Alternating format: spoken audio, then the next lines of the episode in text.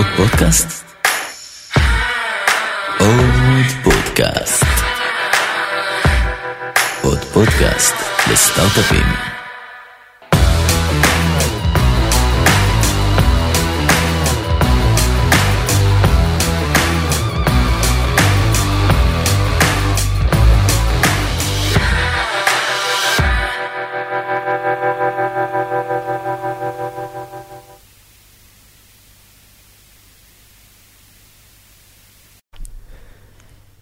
נראה לי שהתחלנו. נטלי? כן. מעניינים. אני עכשיו נזכרתי בדרך לפה, אנחנו לא עשינו הכנה על השאלה הזו לפני שהפעם הראשונה שנפגשנו, זה כשבאת לאיזה דמו דיי שאני ארגנתי, עוד דמו דיי, כמו עוד פודקאסט, הגיוני. ואז אמרתי, מה, מי את? אה, נטע? אז אמרתי, נטלי. וככה בעצם הכרנו. אפילו לא אמרתי לך נטע מקף לי, כי לפעמים זה גם נפלא. יש, יש מצב, כן. וככה התחלנו, התחלנו ממש ברע, בזה שטעיתי בשם שלך, ומאז אה, קרו דברים טובים. אז נמצאת איתנו פה נטלי מאירי, שהיא מנכ"לית 8200 אימפקט, או לשעבר התוכנית החברתית, שזה תוכנית הסושיאל אימפקט הראשונה, ויש שיאמרו, המובילה בישראל. את רוצה לספר קצת על עצמך? בטח, טוב. יאללה, בואי. נתחיל מההתחלה נראה לי. יאללה, מההתחלה. אה, נולדתי בהרצליה. אה, טוב, אז שמי נטלי, אני בת 33, מתגוררת היום בגבעתיים, עם בן זוגי דן ועם הכלב החמוד שלנו מילקי. מוזמנים לראות תמונות. אה, בוגרת 8200, שירתתי בהתחלה כאנליסטית מודיעין בשפה האנגלית, אחר מהמם. כך הייתי ראש מדור קשרי חוץ. עבדתי בשני סטארט-אפים, אחד נמכר למקאפי ואחר כך לאינטל, השני הוא כבר חברה מצליחה היום. למדתי משפטים באוניברסיטת תל אביב, אה, ועבדתי בתחום שלוש שנים רק כדי להבין שאני לא סובלת ליטיגציה. סליחה ומחילה בפני כל עורכי הדין שמאזינים עכשיו. אה, בסדר, הם יתבעו אותך בתמורה. אוקיי. מהמם. זה בסדר, אני ליטיגטורית, אני עדיין יכולה to defend myself. Um, ובזמן שכבר הבנתי שעורכת דין אני לא רוצה להיות uh, for a lifetime, uh, התחלתי להתנדב בתוכנית החברתית של 8200, ושאלו אותי מה אני יודעת לעשות, אז אמרתי להם שיווק ופיתוח עסקי. אז אמרו לי, יאללה, התקבלת. Uh, וכך התגלגלה לה שנה וחודשיים. בעצם עשית את זה בשנה הראשונה, את כמעט- יותר משנת הפעילות הראשונה שלך בתוך התוכנית החברתית, שאותה את ממנכ"לת כבר כמה זמן? שלוש שנים וכמעט שנים, וחצי. שלוש שנים, כמעט ארבע שנים בשכר וכדומה, פעילות אה, ותפקיד אה, מאוד מוכרים באקוסיסטם, בעצם עשית בהתנדבות מעל לשנה, לפני כן. נכון, לא כמנכ"לית, כ director of business development ו marketing, אבל כן, זה היה... בסדר, אבל מעבר ל title זה בעיקר לעזור למי שבאמת ניהל באותו זמן את התוכנית. נכון. אוקיי. עכשיו, אני רוצה ככה למאזינים שבעצם התחילו איתנו את הפרק, אנחנו בעצם נקדיש את הדקות הקרובות, כי נדבר קצת על מסלול הקריירה של נטלי. אה, נבין קצת איך עושים את ה transition הזה, שבטח מעניין הרבה אנשים מעולם של אה, אה, צווארון, מה שנקרא עורכי דין, לתעשיית ההייטק או האקוסיסטם לסטארט-אפים, ואז בעצם ניכנס לתוכנית החברתית, ואם אתם יזם או יזמת שמתעניינים בסושיאל אימפקט, אנחנו נדבר גם על זה וגם על התחום. אז ספרי קצת כאילו, מתי הבנת שאת רוצה לעשות את הטרנזישן הזה מעולם המשפט? אז- ו- ו- ואיך בכלל מתחילים, עזבי שנייה את התוכנית החברתית, מה, איזה צעדים נקטת בכלל כדי להבין מה הלאה ואיפה את יכולה להשתלב? כן, אז בגדול כבר בהתמחות הרגשתי שמה שאני הולכת לעשות, אה, מה שקבעתי לעצמי לעשות אחרי שסיימתי את התואר, אה, היה לריב, להסתכסך ולהתווכח, והכל, זה, והכל ביחד. אה, והבנתי שזה כנראה לא מה שנועדתי לעשות בחיים. מהמם. ולקח לי קצת זמן להתבשל, אני חייבת להגיד שבשנת 2012 הפרה-היסטורית, כשאני כבר, היו לי ספקות וחששות לגבי המשך הדרך, אז רוב האנשים דווקא ניסו להניע אותי מלא לעשות את הטרנזישן. אמרו לי, תשמעי, למדת ארבע שנים באוניברסיטה טובה. יש לך פה עלות שקועה מסוימת. כן, בדיוק, את עובדת במשרדים טובים, שכר מתגמל, ו- ועדיין משהו בי הרגיש שאני לא במקום הנכון בשבילי. זאת אומרת, הגעתי מעולמות של business development ו marketing, של ליצור שותפויות, של לייצר שיתופי פעולה, ומה שאני עושה on a daily basis זה לריב עם אנשים ולפרק שותפויות של אנשים שכל כך לא סובלים אחד את השני, שהם אפילו לא יכולים אה, לפתור את הסכסוך הזה ביניהם, אלא חייבים עורכי דין ממשרדים גדולים כאלה, sharks, שיצליחו להתערב ולהפריד ביניהם. אה, אז כבר אז פיעם בי הספק שמא אולי אני לא מאוד רוצה להמשיך. אהה. אמ, ואז מה עושים? זהו, אז בעצם חקרתי בדברים שכן אהבתי לעשות. איך עושים את זה? כי זה אה, נשמע, ברור, חקרתי, פניתי לאנשים, אני קופץ לסוף. איך, איך ב-day to day מנהלים פה תהליך של חיפוש ושל יציאה מאזור הנוחות? אני אומר את זה לכל מי שחושב פה היום, נמצא באיזשהו מסלול קריירה, לאו דווקא עריכת דין, ורוצה למצוא את הדבר הבא. הרי היום, לא, גם את יודעת וגם אני, שלא מחפשים עבודה על ידי שליחת CV אה, זה לכ- נכון. לכתובות אימייל. למרות שאגב, אני כן חייבת להגיד שכן קראתי הרבה job descriptions כדי להבין מה מעניין אותי. מהמם. כי הרבה פעמים יש, אין בעצם הלימה בין הטייטל המפוצץ לפעמים, לבין ה-day to day. ואגב, גם זו שאלה לחלוטין לגיטימית לשאול אנשים, א', מה ה-KPIs שלהם, מה היעדים שלהם במסגרת התפקיד, כי הכל נשמע מאוד טוב ויפה ויוקרתי ב-job description, אבל בסוף אתה כן נמדד על בסיס יעדים, אז חשוב להבין מה היעדים של התפקיד. פלוס מה day to day, מה בפועל, איך יום טיפוסי, למרות ששוב, היום יש ימים שונים לכל אחד, אבל עדיין, איך יום טיפוסי נראה, עם מי אתה נפגש, מה, מה התכולה של התפקיד שלך. אה, וזה נגיד משהו שלא כולם נותנים עליהם, עליו את הדעת, וחבל, כי אני חושבת שזה משהו שבסוף מייצר את התפקיד עצמו. נכון, לא, לא המעסיקים ולא המועסקים הפוטנציאליים בעצם. נכון. אוקיי. אז זה נגיד משהו שמאוד חקרתי ובדקתי. Uh, במקרה שלי הגעתי מרקע של פיתוח עסקי ושיווק, אז נזכרתי בעצם, רעננתי רגע את כל הטרק רקורד שלי, כל הדברים שעשיתי, והבנתי מה אהבתי לעשות. קודם כל אהבתי לייצר דברים, לגרום לדברים לקרות במקום לפרק דברים. זה מאוד הוביל אותי חזרה לעולמות של פיתוח עסקי, של שיווק, של לייצר ולהניע תהליכים. כן. ודיברתי והתייעצתי עם לא מעט אנשים שעושים תפקידים בחברות שעניינו אותי, אה, קרנות שעניינו אותי, כל הפלטפורמות האלה. אני חושבת שהיום יש הרבה רצון טוב של אנשים לעזור אחד לשני. אה, בזמנו, באמת, אצלי זה גם בא כקונטרסט על זה שהרבה מאוד אנשים אמרו לי, אל תעזבי. ודווקא האנשים שכן דיברתי איתם וכן נועצתי בהם, מאוד עזרו לי להבין שאני באמת לא נמצאת במקום שטוב לי בו. מהמם. אתה לא אמור להגיע למצב שאתה קם בבוקר ואומר, איזה באסה לי לעבוד. כן, ומשכנעים אותך להישאר. אז נכון. בעצם מה שעשית, אמרת, גם, גם לה החלטה בליבך, אמרת, אני אשתלב בתעשיית הסטארט-אפים, הזכרת קרנות וכולי, פנית, ויש את מה שאנחנו לא רואים או לא שומעים בריאיון, אני תמיד אומר את זה גם בעריכת דין, תמיד מה שלא מדברים עליו זה מה שמעניין, בטיעונים משפטיים, נכון. אה, שזה הלואים שכנראה קיבלת, נכון? כי אם הלכת לתוכנית החברתית, סימן שלא הלכת למקומות אחרים, אולי לא כי תוכנית כזו גרועה, אבל כנראה לא בכל מקום אמרו לך כן. לא, האמת שדווקא, יישמע מצחיק, אבל אה, התחלתי רק אז להתראיין אוקיי. בסוף התפקיד שלי כעורכת דין, דווקא קיבלתי אז קנים. ניסיתי, ניסיתי. לא, לא, ניסית, הכל בסדר. דווקא קיבלתי קנים, גם מחברות, גם uh, סטארט-אפים, אבל מבחינתי היה לי מאוד, היה לי הרבה פשן לקחת תוכנית שהכרתי אותה והשתלבתי בה, ולחשוב איך אני יכולה להגדיל אותה ולהצמיח מהמם, אותה. Um, אז אתה יודע, מבחינתי זה כן היה די ברור לאן אני מכוונת את זה. אחרי שהתנדבת שם גם, ידעת נכון. שאת רוצה להישאר. התנדבתי שנה וחודשיים, לא, לא היה לי מאוד ברור שאוריה, שגם הקים את התוכנית יחד איתך, אה, הולך לעזוב. גילוי נאות חשוב, תודה. גילוי נאות חשוב, כן, וכיף. אה, עדיין עורכי דין.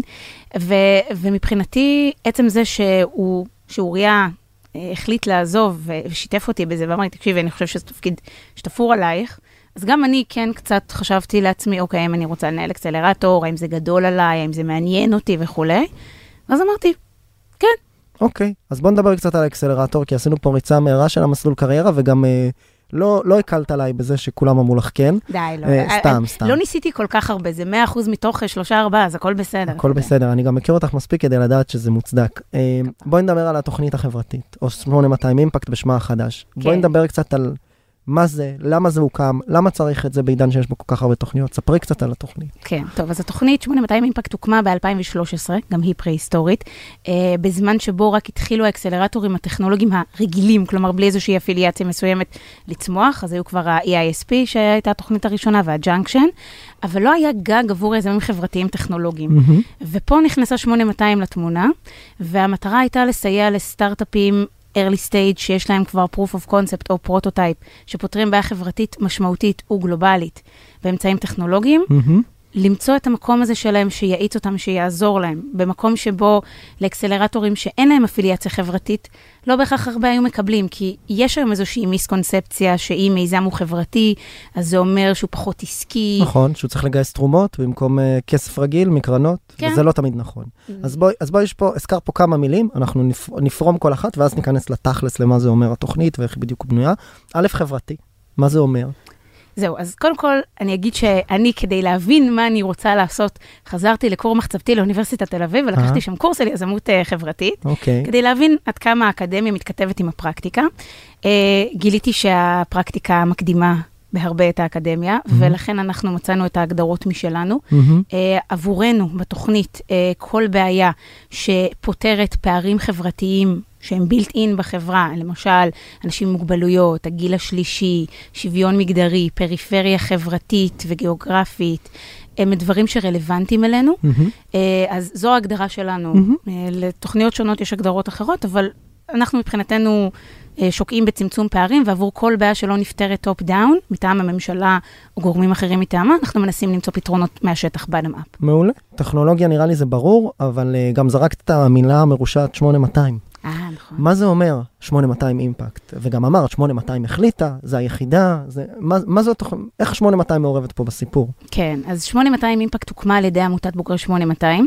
Uh, העמותה שמה לעצמה למטרה לא רק לסייע ולקדם את הבוגרים שלה, ולהתמקד רק בהיסטוריה ומורשת ותפקוד חיל המודיעין uh, במלחמת יום הכיפורים וכולי, אלא גם לבנות תוכניות שפונות לקהלים שהם לא רק של בוגרי 8200. מהמם. Uh, וכך, אגב, גם קצת לצאת מסטיגמת אה, מגדל השן שנוצרה סביב 8200, שאחד עוזר לשני וכולי, אלא להפך, לקחת, אנחנו עוזרים אחד לשני. אנחנו, באמת, פה ושם, שלום, שלום. אוקיי. אה, כן לרתום את ההון האנושי של 8200 ולקדם את החברה הישראלית בכללותה. מהמם. בלי קשר להאם הסטארט-אפ אה, הוא בוגר 8200, הוא לא בוגר 8200, ואגב, פחות מ-20% אה, מהסטארט-אפים אצלנו הם נוסדו על ידי בוגרי 8200, כך שגם המטריקה הזו שאנחנו מודדים היא רק כדי להוכיח שהמסר מצליח לעבור, ש-8200 אימפקט היא לא רק ל-8200. אז התוכנית בעצם הוקמה על ידי ארגון בוגרי 8200, היא פועלת כתוכנית עצמאית, נכון? נכון. בפני עצמה זה איזשהו, מה שנקרא, עושים שימוש במותג, משתמשים ברשת הקשרים של ארגון הבוגרים וכדומה, אבל פתוח לכולם. נכון. אז אתה לא חייב להיות בוגר 8200, אתה צריך לשרת בצבא. לא צריך לשרת גם בצבא, אין לנו אומרת, אתה שום... יכול להיות אה, גם, אה, הכרח. גם מה, מהמגזרים הלא מיוצגים מספיק בתעשיית ההייטק. גם כדי להיכנס מהמגזרים. לשם, שלא נזכיר את שמם, סתם. אה, בסדר, גם מהמגזרים, ולכך גם, אגב, יש תוכנית נוספת של עמותת בוגרי 8200, הייבריד, נכון. אה, שבה... דבר כן. עליה בנפרד. אוקיי. סבבה, אבל הייבריד למי שזה, במשפט, תוכנית לקידום יזמים ערבים, דרוזים ובדואים, בסדר? הם בטח לא, רובם לא היו ב-8200 סטטיסטית, בכלל. יש קצת. ממש קצת, זה ממש, קצת, קצת של הקצת. קצת אז, זה אחד. אבל זה הכל סבבה. אמ, טוב, דיברנו קצת, נתנו רקע, אני חושב ששנייה שווה לצלול פנימה. יאללה. יש פה, מאזינים לנו, יזמות ויזמים חברתיים, או יזמות ויזמים שבכלל טועים עם social impact ו-8200 אימפקט רלוונטיים אליהם. מה אתם נותנים? למה כדאי לבוא אליכם? כן. טוב, אז התוכנית עצמה, קודם כל אני אגיד שאנחנו פועלים ללא מטרות רווח, לכן אנחנו לא לוקחים לא equity ולא זכויות קניין רוחני מהסטארט-אפים שמשתתפים בתוכנית. אנחנו עושים את זה נטו, non profit, כדי לעזור ולהאיץ את הסטארט-אפים הללו. אה, מבחינת מה שאנחנו נותנים, אז אה, כל מחזור אצלנו, כל מחזור שנתי, אורך חמישה חודשים. אה, יש לנו 24 ימי תוכן אינטנסיביים בתחומים של product, ייעוץ משפטי, ייעוץ עסקי, אסטרטגיה, branding, pitching ו storytelling. למעשה, כל התכנים שיזם חברתי, טכנולוגי, או יזמת כמובן, בתחילת דרכו צריכים להכיר. אה, יש לנו במקביל גם מערך של מנטוריות ומנטורים. רוב נשי, יש לנו יותר מ-50% מנטוריות במערך. אה, יש לנו שעות ייעוץ אחד על אחד, יש לנו הרצאות ופאנלים, וכמובן החיבור שלא מסתיים רק, כשה, רק כשהמחזור עצמו מסתיים, אלא נמשך עוד הרבה מעבר, וככה אנחנו עובדים עדיין עם סטארט-אפים מהמחזורים הראשון והשני, למרות שסיימנו את התוכנית, אה, את המחזור החמישי של התוכנית אה, לאחרונה, ואנחנו ממשיכים לעבוד עם הסטארט-אפים, להעניק להם הצעות ערך. אה, הרבה מאוד מהפעילות שלנו גם מתבצעת בחו"ל, בזכות מהמם. העובדה שכל הנושא של impact הוא נושא מאוד מאוד חם בעולם, והרבה רוצים לשמוע, גם לשמחתנו, גם ה brand של 8200 הוא מאוד מאוד חזק, אז היום אה, כבר אומרים 8200 וכולם יודעים מה זה, כולל להגיד 8200 במבטא מספיק אמריקאי, ו... everybody knows what it's all about, וזה נחמד, אה, וגם החיבור הזה לסושיאל אימפקט מעניין הרבה מאוד. אז הרבה מאוד מהעבודה קורית, בעיקר בארצות הברית, אבל אהה. גם במדינות אחרות, כן. אוסטרליה, יפן, הודו, במדינות אירופה, יש הרבה מאוד עניין, ומבחינתנו זה כלי מצוין גם לשמש כסוג של ביזנס דבלופר in residence עבור הסטארט-אפים שמשתתפים במחזור או שבגרו את המחזורים הקודמים. ו- הבנתי. אז עוד- זה בעצם דיברנו פה קצת על תכנים, קצת על מנטורינג, קצת על פיתוח עסקי, גם מקומי, גם גלובלי. בואו נתכנס באמת לסוף. אתם לא משקיעים כסף, נכון? בסטארט-אפים שמתקבלים לתוכנית, זאת אומרת, לא לוקחים equity וגם לא משקיעים. אנחנו לא משקיעים, השנה כן הייתה לנו אה, מגמת נגישות בשיתוף עם בנק הפועלים. אוקיי. שבמסגרתה ארבעה סטארט-אפים שמפתחים פתרונות בתחום הטכנולוגיה המסייעת קיבלו מענק מבנק הפועלים, מענק שהוא לא מדלל, של כמה? 20 אלף שקלים פר מיזם, אוקיי, יפה. בחינם, לא מדלל, זה חינם. אומר בלי, בלי תמורה. חינם אין כסף. אוקיי. יש יפה. כסף. משלמים אין מס. תמורה. אה, סתם. לא, לא, אנחנו ניסינו להתחמק מזה. רואי החשבון לענייני מיסים, נא להגיע ל... בדיוק, כן. בנק הפועלים, אבל אסור שבנק. הפועלים ידווח, מה שנקרא. אה, בסדר גמור, ובעצם כשהתוכנית נגמרת, יש איזושהי ציפייה, אנחנו מראיינים פה, זה סדרת אקסלרטורים ותוכניות חדשנות בסוף. יש את הקונספט הזה שלא אנחנו הגינו אותו, זה עוד מימי אה, Y קומבינטור של הדמו דיי שבסוף מגיעים, ואצלך זה מופע באמת אה, מרהיב, והמון אנשים מגיעים מכל התעשייה, גם משקיעי הון סיכון, גם פילנטרופים, גם משקיעי אימפקט פר סה, וכולם באים לפגוש את החברות. מה, קצת ליזמים ששומעים אותך עכשיו והם עוסקים בסושיאל אימפקט ואומרים, כן, אני אגיש, ו- ותוך חודשיים או שלושה או ארבעה או כמה זמן שהתוכנית נמשכת, יקרה פה קסמים. תארי קצת את התהליך ואיך זה נראה בתכלס, כי שנינו יודעים שהמציאות הרבה פעמים פחות מתוקה. נכון. אז קודם כל אין קסמים. אה, כמו שאין קסמים באקסלרטורים אחרים ובוורטיקלים אחרים, גם בעולמות ה social impact הקסם הוא דווקא של היזמים שמגיעים עם המון המון drive ו passion, ואני חושבת שזה ניכר, ואני דווקא רואה את זה כמעלה, אבל יש שיחלקו על דעתי, אה, בעיקר אנשים ציניקנים, אבל מהמם. נשים את זה בצד. כל הפעילות באקסלרטור לאורך כל המחזור, וכמובן אחריו, זו עבודה מאוד מאוד מאוד קשה של היזמים. פה אין הנחות, אין קיצורי דרך, והעובדה שהשתתפת או השתתפתם ב-8200 לא אומרת שזה נותן לכם אה, קומבינות או דברים כאלה. עדיין הדרישות מה, מצד המשקיעים, בין אם מדובר באנג'לים, בקרנות הון סיכון, ב family offices, בפילנטרופים, כולם עדיין בסופו של דבר ישאלו את אותן שאלות קשות ויצפו לתשובות. אה, ואגב, כמובן שגם במסגרת ה screening sessions שלנו, כל נושא הסינון של הסטארט-אפים וש- ושלבי הרעיונות, כמובן מתעמקים גם בתחרות, בשוק עצמו, uh, בעד כמה היזמים מגיעים גם מרקע רלוונטי, עד כמה הם אנשים השנייה, לפני המיון, סליחה שאני עוצר אותך בברוטליות, בואי נדבר, המטרה הייתה להגיע כאילו מבחינתי שנייה להישגים, אוקיי, אז ספרי שנייה כמה בוגרים יש לכם, כמה גיוסים וכולי, בטח. ואז, ואז נשאל על המיונים. מעולה. אז יש לנו 53 בוגרים, מהמם. שגייסו מעל 45 מיליון דולר, מהמם. אה, שבעולם- בעולמות האימפקט זה אפילו נחשב יפה ומספר גבוה. אפילו מעל היפה. אפילו מעל יפה, תודה. Uh, הסטארט-אפים שלנו, לחלקם הגדול כבר יש uh, עובדים בארץ ובחו"ל, uh, כיסוי תקשורתי נרחב, זכיות ברור. בתחרויות בינלאומיות, uh, לקוחות בתשלום, פיילוטים עם חברות ענקיות כמו מייקרוסופט ואמזון וגוגל, והרבה דברים יפים שקורים כאן. אהה. Uh, חלקם גם, כמובן, בזכות העובדה שהם יזמות ויזמים מדהימים, אבל עם קצת עזרה מחברים ומ-8200 אימפקט, אנחנו תמיד uh, שמחים uh, להמשיך ולקדם אותם. אני תמיד אומר בפיוז'ן שאנחנו, זה, זה לא ציטוט שלי אגב, שאנחנו מנסים להיכנס שותפים בחברה ואז לא להפריע, אבל בסדר, זה, שזה הפילוסופיה, להשתדל לא להרוס את מה שהיזמים עושים. אז אה, אוקיי, אחלה, בוא נחזור למיונים, ודווקא לא מהמקום של מה, מחפשים טובים, לא טובים, איך נראה השלבים? אני עכשיו אה, שומע, אני רוצה להגיש מועמדות, מה עושים? מתקשרים אלייך? חס וחלילה, אוקיי, חס וחלילה. אני יודע מה לשאול כדי להדליק אותך. יפה כן, מאוד, יפה. אלמנטים אז. מה- אז מה לעשות? כן, אז יש לנו, דרך אתר האינטרנט שלנו, www.8200impact.com, יש לנו את אה, אה, שלב הרעיון, אה, יש לנו בעצם את ה... יש טופס מועמדות. form, כן, נכון, אוקיי. הטופס המועמדות. אה, השנה למשל הגישו 234 מועמדים, התקבלו מהמם. 11. אוקיי. Uh, בטופס המיונים עצמו, אנחנו כן מתעמקים במי, קודם כל מי האנשים, כי בסופו של דבר, אגב, זה חשוב לא רק כמובן לאקסלרטורים, אלא גם לקרנות ובכלל למשקיעים. מי הצוות? מי הצוות, עד כמה אנשים פתוחים לביקורת, עד כמה נוח ונעים לעבוד איתם, עד כמה הם פשנט, עד כמה הם אנשים שיכולים uh, to light up the room, כי כן. בסופו של דבר זה מאוד מאוד חשוב גם הפרסונות שעומדות מאחורי המיזם, כי מיזם יכול לעשות פיבוט, אבל לבן אדם קצת יותר קשה להשתנות. מהמם. אה, אז זה דבר שהוא באמת אולי הראשון במעלה מבחינתנו בסדר החשיבות.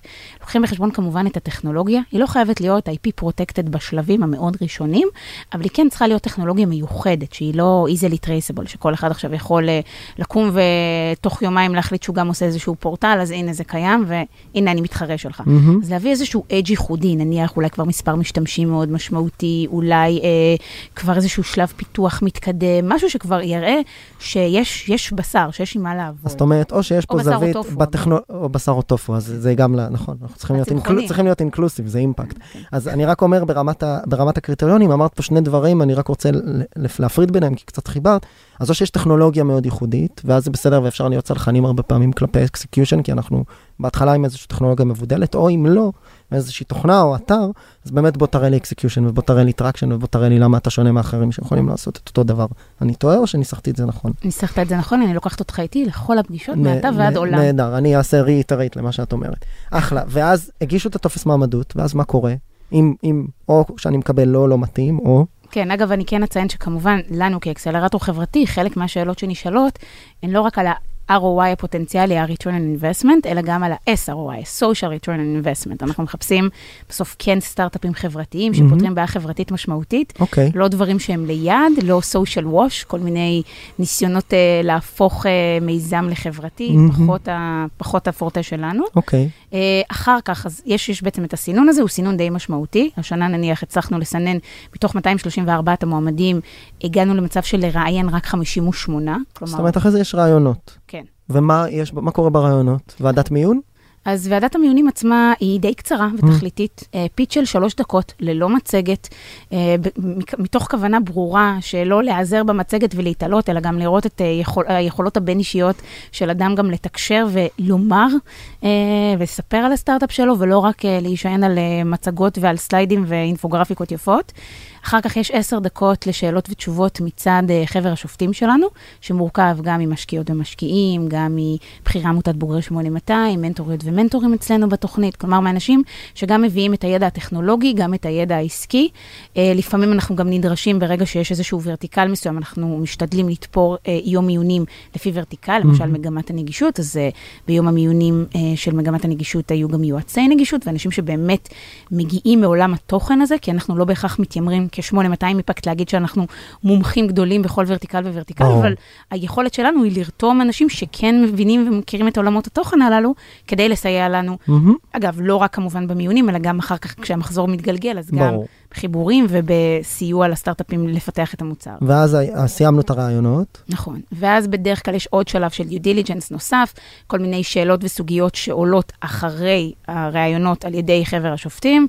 Uh, בסופו של דבר אנחנו רוצים לאמת כל מיני סטארט-אפים שעושים דברים דומים ולא עלו במסגרת הראיונות, או כל. מיני שאלות uh, נסתרות ש, שלא נענו במסגרת הראיונות, אז זה הזמן בעצם לעשות סוג של ולידציה לכל מה שנאמר ולבדוק, לעשות איזשהו double, או במקרה הזה triple check, uh, ואז? ואז מתקבלים, ואז מתקבלים, או שלא, או שלא. כן, או שלא. כמובן. ובכל מחזור מתקבלים כמה, כ- כמה חברות מתקבלות? בין 10 ל-12 סטארט-אפים. אוקיי, מעולה. ומחזורים, אה, ת- תאריכיהם ב- בערך, כן, בשערוך, כי זה תמיד תקופות. נכון. של הגשת מועמדות ופתיחת מחזור כל שנה. כן, אז uh, לרוב אנחנו פותחים את uh, ה-application season, את כל נושא, uh, את כל תקופת המועמדות, החל מאחרי החגים, uh, ועד בדרך כלל סוף דצמבר, תחילת אהה. ינואר.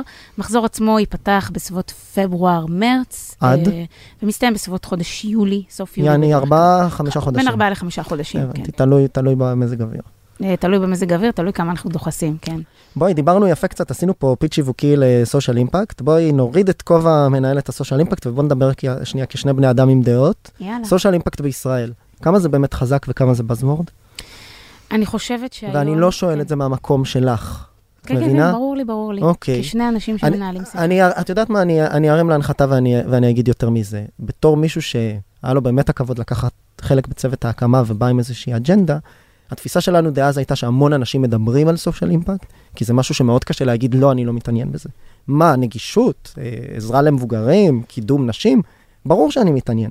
וכולם מאוד שמחים, או ברוח הסושיאל מדיה כולם עושים לזה לייקים בפייסבוק, אבל בסוף כשהם מסתכלים על מטריקות פיננסיות, על, על, על, די, על מה שנקרא, על שוויון של תוצאה, ברמה של כמה כסף נכנס למיזמים כאלה, כמה בכלל גופים באמת שמים את ה...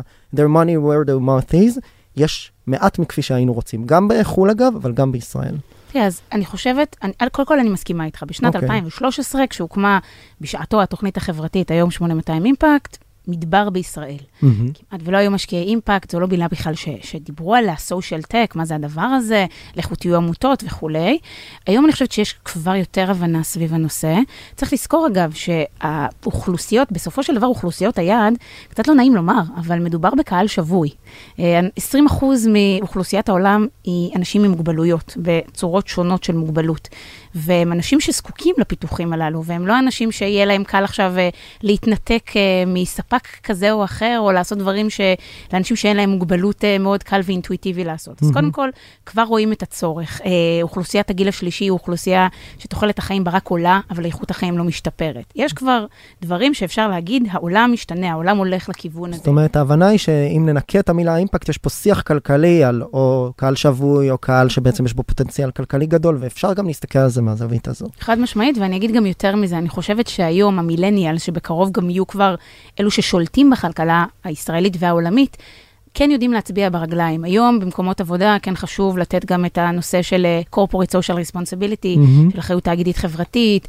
אנשים לא רוצים לעבוד במקומות שמנצלים, לאנשים כן יותר ויותר אכפת. היום כבר רואים שיש social causes, שאנשים מעלים הרבה פעמים גם מלמטה למעלה, bottom up. מהמם. אני חושבת שהנושא הזה כן עולה יותר ויותר לתודעה. אני חושבת ששוב, גם כשלוקחים את האלמנטים העסקיים, כי שוב, יש שווקים, אנחנו, גם אנחנו בעצמנו בתוכנית, כשאנחנו ממיינים, אנחנו לא נבחר סטארט-אפים שפותרים בעיות מאוד נישתיות, מאוד קטנות. ברור. כי גם אנחנו בראייה, כמו של מעין משקיע, רוצים בסוף כן להתמקד בחברות. בבעיה גדולה. נכון, כי אנחנו בסופו של דבר, זו המטרה שלנו כאקסלרטור, לייצר כמה וכמה שיותר סיפורי הצלחה. אז טוב, תכף אנחנו נדבר על מה זה בעיות גדולות, ואת אמרת, אנחנו רוצים שאנשים יראו לנו איך הם מודדים דאבל בטם ליין. נכון. תכף נדבר על איך מודדים אימפקט חברתי, במקום להגיד, אנחנו עוזרים לכל ה-X לעשות Y. Um, אני רוצה שנייה להקשות עליך קצת יותר, ואני חושב שזה יעזור לכל מי שמאזין לנו. יש לכם בוגרים שגייסו המון, אבל יש גם הרבה כסף שמגיע מתחרויות או מפילנטרופים. נכון.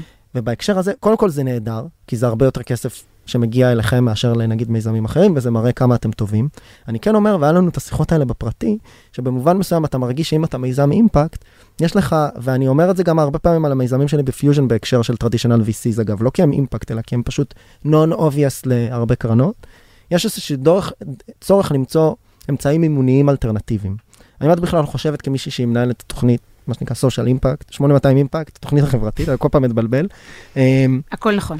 צריך בעצם, יש פה אתגר לעזור להם למצוא מימון לאו דווקא לא, דווקא לא מ-VCs, או מאנג'לים, או מ family office, או מתחרויות, או ממשקיעים פרטיים, שבאמת מסתכלים על double bottom line, ולאו דווקא רוצים לעשות עכשיו פי 20 על, על הכסף בתוך שבע שנים. אז קודם כל, כן, אני לחלוטין מסכימה איתך, לסטארט-אפים חברתיים זה לא מאוד uh, קלאסי בהכרח ללכת ל-VC ולגייס משם uh, הון תועפות על מצגת, פחות, uh, פחות מיזמי סייבר של בוגרי 8200, שזה מאוד מאוד קל uh, להגיע למצב של גיוס uh, קלאסי וחלק. Uh, וכן, מקורות uh, אלטרנטיביים, אגב, יש להם גם לא מעט יתרונות, כן, כי רובם גם לא מדללים. נכון. זכויות בתחרויות ומענקים, Horizon 2020 של האיחוד האירופי, אפשר להגיע גם עד 2.5 מיליון יורו לא מדלל, שזה מהמם. סכום מדהים, נכון. שהרבה היו רוצים, ובטח לא היו רוצים שישבו להם על ה cap table כמשקיעים, שצריכים אה, להוכיח את ה... האיחוד האירופי, כן, את אה, העבודה אה, לפי דינים בינלאומיים, כן. למשל, כן. ואני חושבת שיש פה הרבה מאוד יתרונות כן בלמצוא מקורות מימון אלטרנטיביים, שאגב, פה באמת לסושיאל אימפקט יש הרבה יכולת להגיע בכלל למקומות האלה, כי זה משלב את הסיפור, וזה משלב גם את הנושא מהמם. שכל אדם יכול להתחבר, ואתה לא חייב להיות עכשיו מהנדס חומרה בשביל להבין איך אה, בורדים עובדים, כדי להתחבר לזה שיש אדם עם דמנציה שצריך לעזור לו נכון, למנוע הידרדרות קוגניטיבית, למשל. נכון. אז אני חושבת שפה יש שפה שהיא יותר משותפת ליותר קהלים ויעדים, בארץ ובחו"ל. אה, כל הבעיות הללו כמובן הן בעיות גלובליות, אה, ציינו והזכרנו, וזה דבר מאוד חשוב, כי זה מהמם. בעצם אומר שיש להן שוק. וכן, אנחנו בהחלט עובדים גם על המקורות האלטרנטיביים, מתוך הבנה אבל שככל שנצליח לייצר יותר ויותר סיפורי הצלחה, others will follow. כי ברור. כמו כל שוק שצריך איכשהו לפ- לפלח אותו ו- ולהתחיל לעבוד איתו, אז גם כאן, ברגע שמשקיעים מסורתיים וציניקנים ככל שיהיו, יראו שיש כסף ושגם ה-ROI, עזבו רגע את ה-SROI, עזבו רגע את ה-social return investment, גם ה-ROI, החזר ההשקעה, בסוף יצליח, אה, יצליח ו- וייתן להם מכפלות יפות על הכסף, בסופו של דבר זה משהו שהוא לחלוטין כשיר להשקעה מבחינתם. אז קודם כל insight מצוין, אני רוצה, זה מוביל אותי לכמה שאלות נוספות, ככה על impact בכלל. אה, אחד מהדברים שאני נתקל בהם הרבה, אני בטוח שגם את, זה באמת אמרת, יש פה חיבור רגשי לבעיה, הרבה אנשים מזדהים איתה. אתה בא ומדבר על אוכלוסייה מבוגרת, אני חושב שמעט מאוד אנשים בעולם יגידו לא, זה לא בעיה, או לא, אנחנו לא רוצים לתרום לה. ואז אני אתן סתם שתי דוגמאות ברע, בסדר? בא...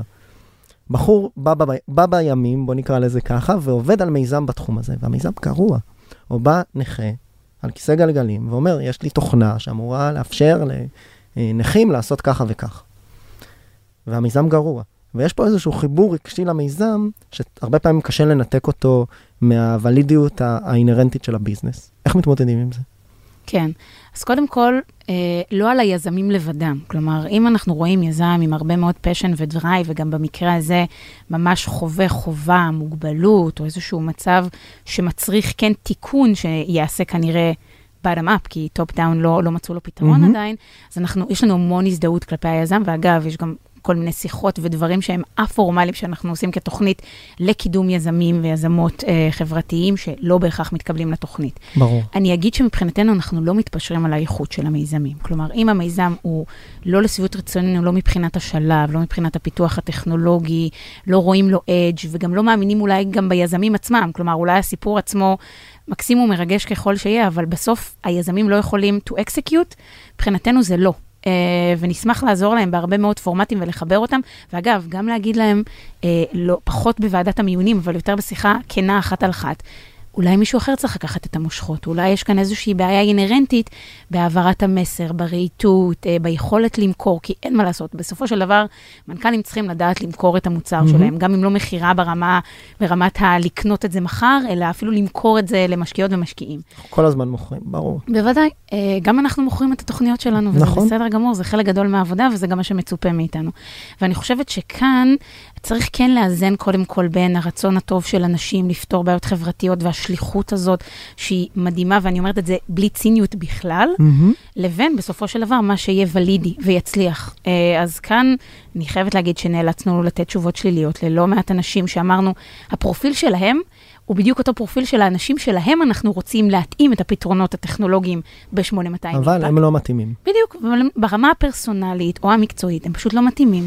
ולגיטימי לחלוטין, כמו כל תוכנית האצה, גם uh, לפסול אנשים שאולי בפרופיל הם, הם end users טובים, אבל הם לא יכולים להיות היזמים. וגם ללהיות יזם, זו עבודה לא פשוטה ומפרכת, ולא לא, לא מתאים לכל אחד. אז בואו נדבר לפני על אה, מה זה להיות יזם, או מה זה להיות יזם אימפקט. דיברנו פה הרבה על המילה אימפקט ועל social אה, ROI, או social return investment.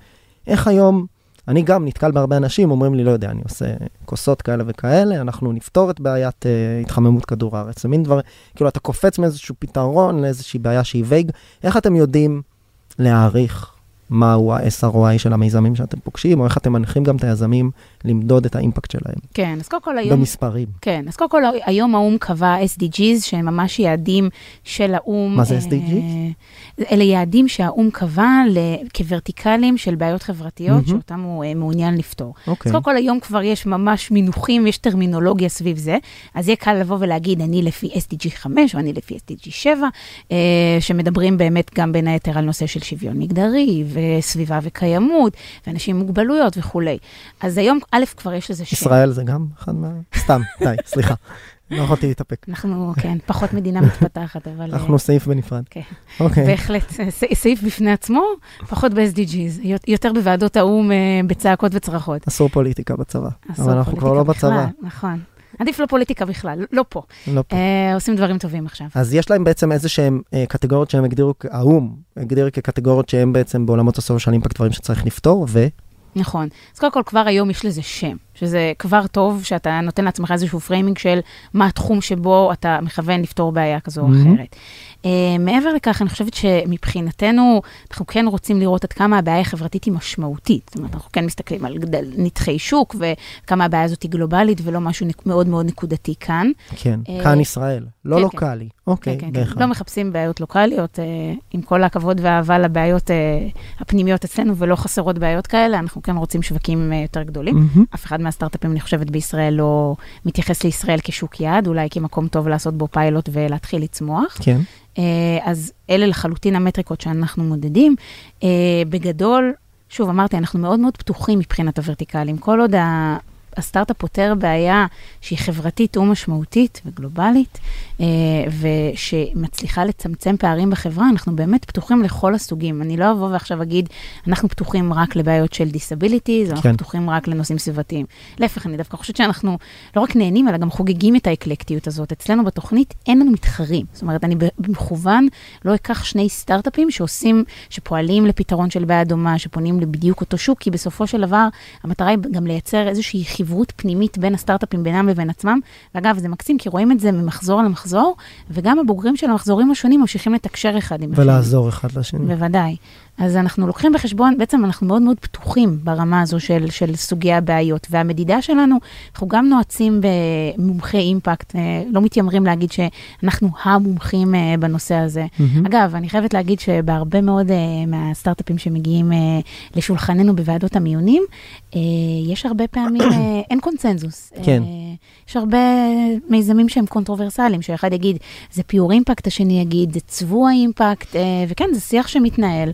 ואגב, אני לא באמת חושבת שיש תשובה חד-חד ערכית. ברור. אה, רואים באמת שוני, כי כל אחד מנסה לקדם גם אג'נדה מסוימת, וזה משהו שהוא גם, אתה יודע, בא איתך, כי דיברנו גם על הדברים שהם לא בהכרח רציונליים, אלא גם אמוציונליים, ודברים שלאנשים יש bias מראש לגביהם, אז זה מקבל ביטוי גם אצלנו. אני חושב שאין כמעט נושא שלא כיסינו עליו, אה, שלא כיסינו אותו בהקשר של השיחה הזו. כן הובלת אותי בכמה אמירות שלך לקצת שאלה ב meta על התפקיד עצמו ועל מה זה ניהול accelerator, או מה זה accelerator בכלל. כי בסוף גם דיברת על מסלול קריירה שלך וגם על התוכנית ועל כל הפרמטרים של מה שאתם מחפשים ואיך התוכנית בנויה, אבל בסוף יזמים היום שמקשיבים. אקסלרטורים נשמע הרבה פעמים כמשהו מאוד redundant כבר, כי יש יותר מדי וכולי, וכולנו מכירים את הבעיה הזו. אה, יש לפעמים יותר מסטארט-אפים חדשים אה, מתאימים, זה סטטיסטית אני תמיד אומר, אה, אבל מעבר לזה, זה נראה הרבה פעמים גם מהזווית מאוד נוצץ, או משהו מאוד פלאפי כזה, אנחנו נעזור לך בחיבורים, אנחנו נאיץ אותך. אם קצת את יכולה לתת איזשהו בשר, או כזה משהו טנג'בילי לאיך נראה היום-יום בתוך תוכנית כזו, איך נראה היום-יום שלך, ומה התפיסה שלך לגבי איך נותנים value לסטארט-אפים בשלבים מוקדמים. מעולה. אז קודם כל, אנחנו בסופו של דבר, ובתחילתו של דבר, מערכת תומכת שעוזרת לסטארט-אפים. אנחנו מה שנקרא enablers, אלה שגורמים לדברים לקרות עבור הסטארט-אפים, או במקומות ותחומים שהם לא יכולים לכסות, או בדברים שלנו כן יש את החיבורים ואת הקשרים. אז אני חושבת שכמעטפת היא מעטפת מאוד מאוד טובה. אנחנו מאוד משקיעים גם בתוכן, בקוריקולום של התוכנית, אה, ולכן אנחנו באמת נותנים 24 ימים מלאים, אחת לשבוע, גם במטרה לעזור לסטארט-אפ למקבל את העבודה על הסטארט-אפ במקביל לפעילות של האקסלרטור, ולא לגרום לזה להיות מעיק, אלא להפך, משהו שישתלב. אה, והאמת שהיופי, אני חושבת, בתרומה שלנו כאקסלרטור ליזמות והיזמים אצלנו, היא לראות איך נכנס הסטארט-אפ ואיך הוא יוצא. ולשמוע על כל סיפורי הצלחה, ולשמוע על סטארט-אפ uh, שעכשיו זכה מקום ראשון בתחרות הבינלאומית בקנדה, שהוא בחיים לא היה שומע ולא נחשף אליה, אלמלא הצעת ערך שהגיעה מהתוכנית. Uh, ולגלות שיש סטארט-אפ, לא לגלות, זה להיות uh, מאוד מעורה, שיש סטארט-אפ שסגר את ה-A-ראונד שלו בזכות העובדה שהתוכנית הצליחה לחבר לו את ה-lead investor שלו, שכל שאר המשקיעים ישבו על הגדר וחיכו, ובסוף, בזכות איזשהו חיבור טוב שנעשה לקרן השקעות, זה מה שבסופו של דבר סגר את ההשקעה. אה, ולשמוע על הרבה מאוד חיבורים שבסופו של דבר נושאים פרי, בין אם בהשקעות, בין אם בהשתתפות אה, בתוכניות המשך שיכולות להיות משמעותיות, אה, בין אם בלייצג בכנסים, לזכות בפרסים, לקבל כיסוי תקשורתי שבסופו של דבר כן מוביל ליותר התעניינות, להשקעות, ללקוחות, ל design partners. כל הדברים האלה נעשים באמת on a daily basis בתוכנית. כי mm-hmm. בסופו של דבר, ה-state of mind, כשאנחנו נפגשים עם אנשים בתעשייה, היא לחשוף את מרכולתנו ולדבר על הסטארט-אפים שלנו, וגם, אגב, כאן החוכמה היא גם לדעת להתאים את האדם שאתה יושב מולו לסטארט-אפים שהם מחפשים. אין טעם סתם עכשיו לבוא ולשטוח את כולם, אלא להבין אם זה, אם זה יותר ברמה החברתית האישית, אז להבין האם יש לאדם... מה מעניין אותו? נכון, גם ברמה האישית, אם יש איזושהי מוטיבציה, ואם לא, אז ברמת הטכנולוגיה, מה מעניין, אה, ורטיקלים מסוימים וכולי. וכאן אני חושבת שזו האינטליגנציה של מנהלי אקסלרטורים, להבין מי ההתאמה הכי טובה לאדם שיושב מולך, ולדעת גם to advocate את הסטארט-אפים בצורה טובה. זאת אומרת, באמת להבין ולהתמקצע במה שהם עושים, כדי להציג אותם בצורה טובה, כי בסוף זאת פתיחת הדלת בהרבה מאוד מקומות של הסטארט-אפים. לא תמיד יש את הקיבולת אליהם, כי סטארט-אפים זה ידוע שיש להם שני דברים עיקריים חסרים להם, זמן וכסף. אמ, ובסופו של דבר, כשיש גוף שעוזר להם ותומך בהם, ומכיר את כל מי שצריך בתעשייה, זו אחלה דרך לייצג אותם, ואגב, גם לסנן להם הזדמנויות שלא רלוונטיות. זאת אומרת, זו גם המטרה לעמוד פה על המשמר ולא... לפקס. לגמרי, ולא כל uh, משלחת שמגיעה עכשיו, שההשקעות לא רלוונטיות ורוצים לעשות uh, good time ולשמוע על social impact, אז גם לדעת לסנן ולהגיד, סטופ, לא מתאים לנו וזה לא רלוונטי לנו. אז אני חושבת שזה לדעת גם להבין מה הצרכים של הסטארט-אפים, שאגב, זו גם עבודה שהיא כל הזמן בשיחות אישיות, בפגישות עם הסטארט-אפים, גם כנ"ל כמובן לגבי הבוגרים, להבין איפה הם נמצאים עכשיו, לא רק מבחינת הגיוס, לא רק כסף, אלא למה הם זקוקים, בין אם זה הם זקוקים לעוד ידיים עובדות, הם זקוקים להתר... להתרחבות לשווקים אחרים, הם רוצים איזה שהם design partners, לעזור להם להמשיך ולעצב את המוצר שלהם. ולפי הצרכים והבקשות שלהם, לדעת להתאים להם את הגופים ואת האנשים הכי טובים ורלוונטיים. אז זו נגיד עבודה שהיא גם מתפתחת תוך כדי תנועה, שזה מאוד מעניין, כי זה פרויקט שאף פעם לא נגמר. עד שהסטארט-אפ נסגר. אבל... או נמכר. או נמכר, כן, זה גם נכון. גם נכון, אנחנו מקווים לסוף שמח. אז uh, בנימה אופטימית זו, עוד משהו שאנחנו רוצים להוסיף? טוב לנו. טוב לנו. אז uh, אני חושב שהיה רעיון נפלא ומקיף, והיה אפשר ללמוד ממנו הרבה. נטלי, פעם לא נטע. נטלי, למדנו. תודה רבה. תודה לך. תודה על הזמן. ביי ביי.